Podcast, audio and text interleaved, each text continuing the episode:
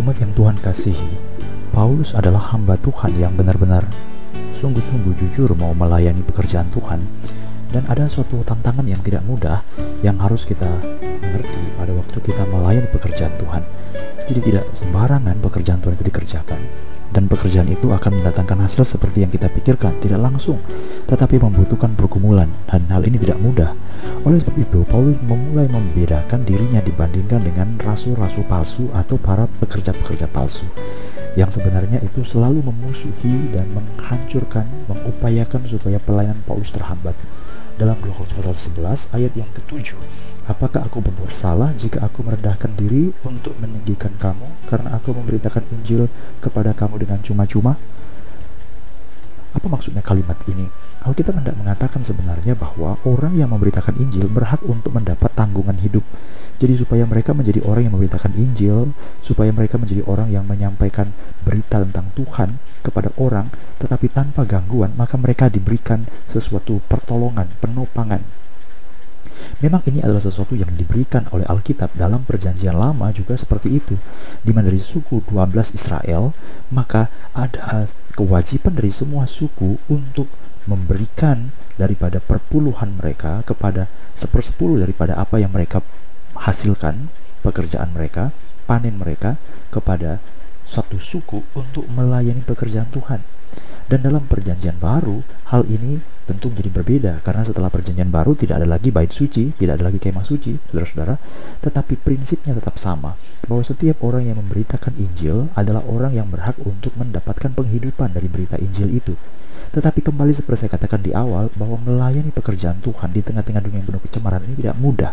Begitu banyak tantangan yang harus dihadapi dan tantangan yang tidak kalah pentingnya dan sangat sangat mempengaruhi dengan sangat besar adalah masalah kehidupan sehari-hari. Dan Paulus berhadapan dengan situasi seperti ini.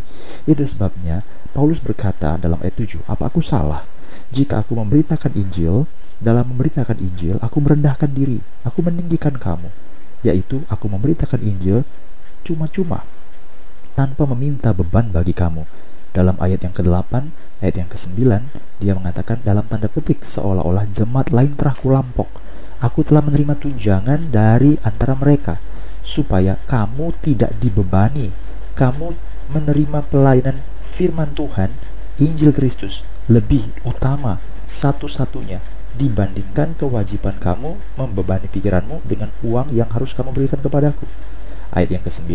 Dan ketika aku dalam kekurangan di tengah-tengah kamu Aku tidak menyusahkan seorang pun Sebab apa yang kurang padaku dicukupkan oleh saudara-saudara yang datang dari Makedonia. Dalam segala hal aku menjaga diriku Supaya jangan menjadi beban bagi kamu. Dan aku akan tetap berbuat demikian jadi ini bukan perbuatan musiman, ini bukan perbuatan hanya satu kali atau satu periode, tetapi Paulus tetap melakukan prinsip seperti ini. Nah, saudara-saudara yang dikasih Tuhan, ada beberapa ayat Alkitab yang ingin saya bagikan bersama dengan saudara. Misalnya dari 1 Korintus pasal 9 ayat yang ke-6. 1 Korintus pasal 9 yang ke-6 ini adalah menceritakan tentang bagaimana Rasul Paulus mengatakan kepada jemaat di Korintus tentang seharusnya atau sebagaimana prinsip yang diberikan oleh firman Allah tentang orang yang memberitakan Injil. 1 Korintus pasal 9 ayat yang ke-6 saya ingin bicara tentang ayat 3 terlebih dahulu. Inilah pembelaanku terhadap mereka yang mengkritik aku. Jadi mereka mengkritik Paulus. Tidakkah kami mempunyai hak untuk makan dan minum? Ada dong. Tidakkah kami mempunyai hak untuk membawa istri Kristen dalam perjalanan kami seperti rasul-rasul lain? Ada dong. Atau hanya aku dan Barnabas sajakah yang tidak mempunyai hak untuk dibebaskan dari pekerjaan tangan? Maksudnya, apakah cuma aku yang kalau misalnya kerja harus mengerjakan sambil kerja memberitakan Injil, tapi sambil kerja juga untuk memenuhi kebutuhan. Bagaimana yang lain? Masa cuma aku dan Barnabas yang sambil memberitakan Injil sambil bekerja? Ini diumpamakan dengan ayat yang ketujuh, seperti orang turut dalam peperangan tapi dia bayar sendiri, saudara-saudara. Kalau orang turut peperangan, misalnya TNI itu, tentara tuh, kalau dia mau berperang, itu pasti negara yang bayari, ya kan? Seragamnya, ya kan? Senjatanya, pelurunya, itu siapa yang belanja? Ya tidak mungkin belanja sendiri kecuali saya bertani buka ladang ya saya yang beli bibit saya yang beli pupuk saya yang mempersiapkan semuanya alat-alat pertanian itu saya yang bayar. Tapi saya perang untuk negara. Maka sebenarnya siapa nih yang harus menanggung? Ya negara dong. Demikian juga Paulus mengatakan apa cuma aku dan Barnabas nih yang di, di, diharuskan untuk mengerjakan pekerjaan? Bagaimana? Apakah kami tidak punya hak untuk dibebaskan? Ada sebenarnya. Tapi Siapa yang menanami kebun anggur dan tidak memakan buahnya? Siapa yang menggembalakan kawanan domba tidak minum susu domba? Apa yang kukatakan ini bukan hanya pikiran manusia, tetapi hukum Taurat berkata demikian. 1 Korintus pasal 9 ayat yang ke-9. Jadi ini adalah suatu perjalanan panjang yang diceritakan oleh Alkitab. Tetapi saudara-saudara, pada waktu Paulus membicarakan ini, ada satu hal yang bisa kita renungkan juga bahwa pada waktu kita berhadapan dengan pekerjaan Tuhan, itu bukan berarti kita berada pada suasana yang serba beres, serba tercukup. Jadi ini satu hal yang perlu kita garis bawahi bahwa banyak kali orang menjadikan pelayanan sebagai cara untuk mendapatkan uang dan keuntungan. Tetapi rasul-rasul dalam Alkitab termasuk Paulus adalah orang yang dipakai Allah dengan sangat ajaib dan luar biasa. Justru adalah orang yang berjuang untuk memberitakan Injil. Seperti yang berkata di Korintus, Aku tidak mendapat tunjangan dari kamu, sepertinya aku merampok jemaat lain untuk membiayai hidupku selama aku di Korintus satu setengah tahun loh saudara-saudara. Lalu apa yang terjadi? Di sana juga apabila dia ada dalam kekurangan, dia juga telah dicukupkan oleh orang Makedonia sehingga tidak membebani orang Korintus. Padahal jemaat di Korintus itu adalah jemaat yang harusnya memikirkan. Ini merupakan suatu pertanyaan yang sangat-sangat tidak masuk akal. Kenapa? Alkitab berulang kali mengatakan bahwa mereka adalah orang berpengetahuan. Orang Korintus adalah orang yang memiliki sesuatu keunggulan-keunggulan. Misalnya saja, mereka mengatakan aku golongan Paulus, aku golongan Apolos, aku golongan Yesus Kristus. Mereka itu terpecah-pecah, terbagi-bagi. Tetapi di tengah-tengah keadaan seperti itu, itu menunjukkan bukan kematangan mereka. Itu justru menunjukkan kekanak-kanakan mereka. Mereka adalah orang yang mengklaim atau menceritakan tentang karunia-karunia roh kudus Bayangkan saudara-saudara, isu-isu yang sangat fantastis karena roh kudus, mujizat, kata berpengetahuan, marifat, itu semua ada di Korintus.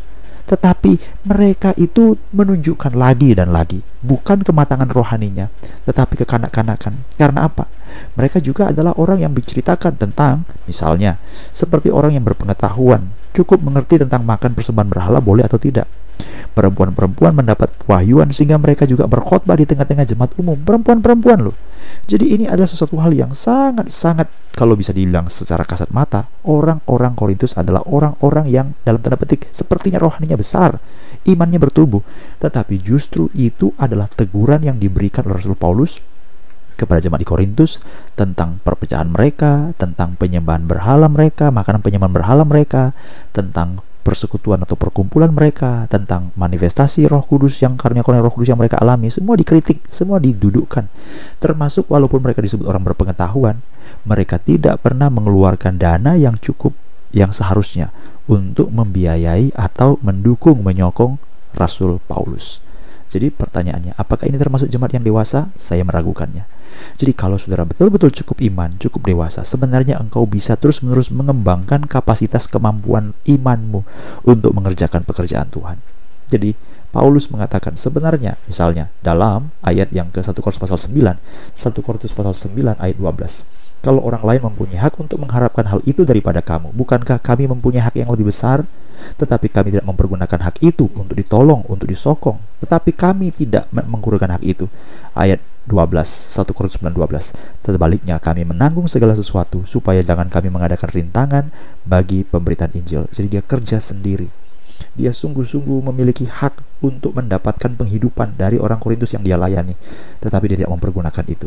1 Korintus 9 ayat 13 Tidak tahukah kamu bahwa mereka yang melayani dalam tempat kudus mendapat penghidupan dari tempat kudus itu dan bahwa mereka yang melayani dari mesbah mendapat bagian dari mesbah itu demikianlah halnya ayat yang ke-14 orang yang Tuhan menetapkan orang yang memberitakan Injil harus hidup dari pemberitaan Injil. Jadi saudara-saudara, memberitakan Injil itu adalah suatu hal yang memang memerlukan tantangan dan memang dihadapi, tidak mudah.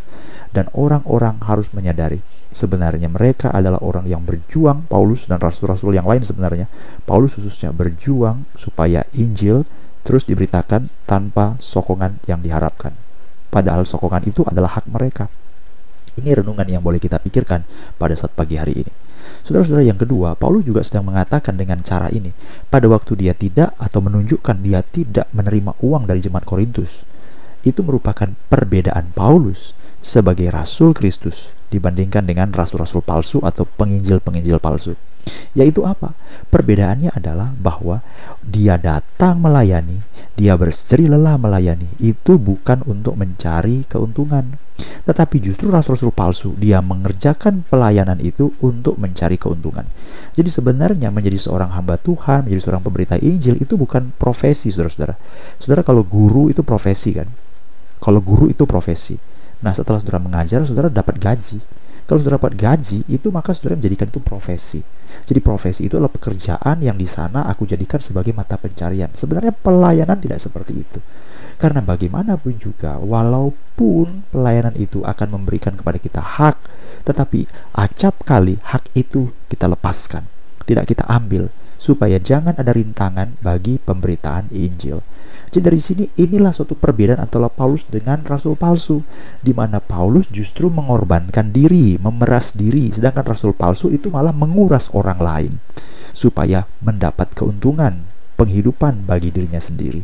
Jadi ini yang kita renungkan yang kedua. Bagaimana kita memahami firman Allah bahwa tentang orang-orang ini adalah suatu hal di mana Rasul Paulus betul-betul menjadi hamba Tuhan yang tidak mencarikan keuntungan atau mengandalkan ini sebagai pencarian kehidupan nafkah tetapi betul-betul dia mengerjakannya dengan seluruh totalitas. Yang ketiga, saudara-saudara, itu adalah suatu ciri daripada rasul palsu, yaitu menggunakan firman Tuhan, pekerjaan firman Tuhan ini sebagai mata pencaharian untuk mendapat keuntungan. Sebagai contoh misalnya, kalau saya ingin membaca Roma pasal 16 ayat yang ke-18, Roma pasal 16 ayat ke-18 ini adalah surat Paulus kepada jemaat di Roma yang menceritakan bagaimana tentang hal ayat yang menceritakan tentang ke expenses atau perongkosan. Dia berbicara tentang Roma pasal 16 ayat yang ke ayat yang ke-17 misalnya saya ulangi baca dari ayat 17 saja ya. Tetapi aku menasihatkan kamu Roma 16 17 saudara-saudara supaya kamu waspada terhadap mereka yang bertentangan dengan pengajaran yang telah kamu terima, menimbulkan perpecahan dan godaan, sebab itu hindari mereka. Emang mereka ini siapa sih? Ayat 18. Sebab orang-orang yang demikian tidak melayani Kristus Tuhan kita. Ha? Ya. Tetapi mereka melayani perut mereka sendiri. Dan bagaimana strateginya? Dengan kata-kata mereka yang muluk-muluk dan bahasa mereka yang manis, mereka menipu orang yang tulus hatinya. Jadi jelas sekali saudara-saudara, ada perbedaan yang jelas antara rasul yang jujur, rasul yang asli, dengan rasul palsu, dengan pekabar Injil palsu, dengan pelayan-pelayan palsu. Yaitu apa? Mereka boleh berkata manis, mereka boleh lincah bicara, mereka boleh fasih, mereka boleh hebat dalam menyusun segala macam susunan khotbah dan berita, tetapi sebenarnya mereka bukan menjadikan Tuhan sebagai Kristus, tapi melayani perut mereka. Dengan kata-kata itu mereka menipu orang supaya mendapatkan keuntungan. Mari kita baca misalnya dalam 2 Petrus pasal 2. Ini contoh lain yang Alkitab sedang bicarakan 2 Petrus pasal yang kedua. Saya akan bacakan juga untuk saudara 2 Petrus pasal yang kedua mulai ayat yang pertama. Demikianlah firman Tuhan. Sebagaimana nabi-nabi palsu dahulu tampil di tengah-tengah umat Allah, demikian pula di antara kamu akan ada guru-guru palsu. Jadi ini bukan hal yang baru, dulu ada, sekarang mungkin ada dan besok akan ada lagi.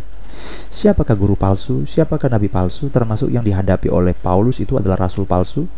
Mereka akan memasukkan pengajaran sesat yang membinasakan. Lalu kita baca ayat yang kedua. Banyak orang mengikuti cara hidup mereka yang dikuasai hawa nafsu dan karena mereka jalan kebenaran dihujat. Oh, kita dapat lagi hawa nafsu. Jadi ajaran yang mengedepankan, membesar-besarkan hawa nafsu dapat duit, diberkati, sukses, jauh dari sakit, berhasil dalam pekerjaan, karir menanjak. Waduh, ini semua kan hawa nafsu yang dicari oleh manusia ya. Ayat yang ketiga berkata, 2 Petrus 2 ayat 3, dan karena serakahnya guru-guru palsu itu akan berusaha mencari untung dari kamu. Oh, mencari untung dengan cerita-cerita isa penjempol mereka. Jadi mereka juga mencari untung dari pekerjaan Injil yang mereka terima. Itu bukan Injil, tapi itulah cara mereka. Jadi kenapa Paulus membicarakan suatu uraian yang dalam tanda petik seolah-olah diulang?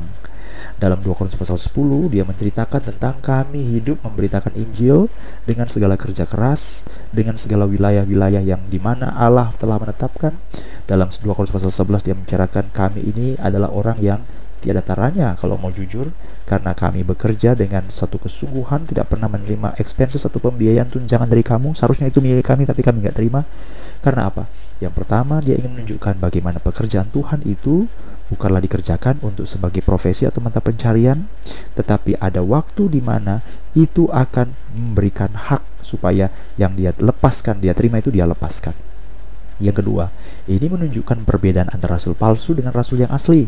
Rasul palsu itu justru mencari memberitakan Injil untuk mendapatkan keuntungan, tetapi rasul yang asli, Paulus dan hamba Tuhan yang sejati, justru memeras diri, justru tidak mencari keuntungan. Dan Alkitab juga mengatakan dalam 2 Korintus pasal 11, dalam 2 Petrus pasal 2, ayat yang baru saja kita baca, bahwa perbedaannya rasul palsu dan rasul asli adalah justru mereka itu adalah orang-orang yang tidak mencari keuntungan, dari berita yang tidak membicarakan hawa nafsu, banyak orang mengikuti mereka. Jadi banyak orang ikut itu bukan tanda bahwa sesuatu pekerjaan Injil itu berhasil, tetapi justru mungkin karena itu adalah ciri yang diizinkan Tuhan bahwa banyak orang-orang palsu. Jadi saudara-saudara dikasih Tuhan, mari lihat ayat firman Allah. Mari ikuti cara firman Allah. Mari memandang hidup dari cara pandangan firman Allah. Jangan mengandalkan diri sendiri, tapi biarlah kita sungguh-sungguh hidup mengandalkan Tuhan dalam segala sesuatu.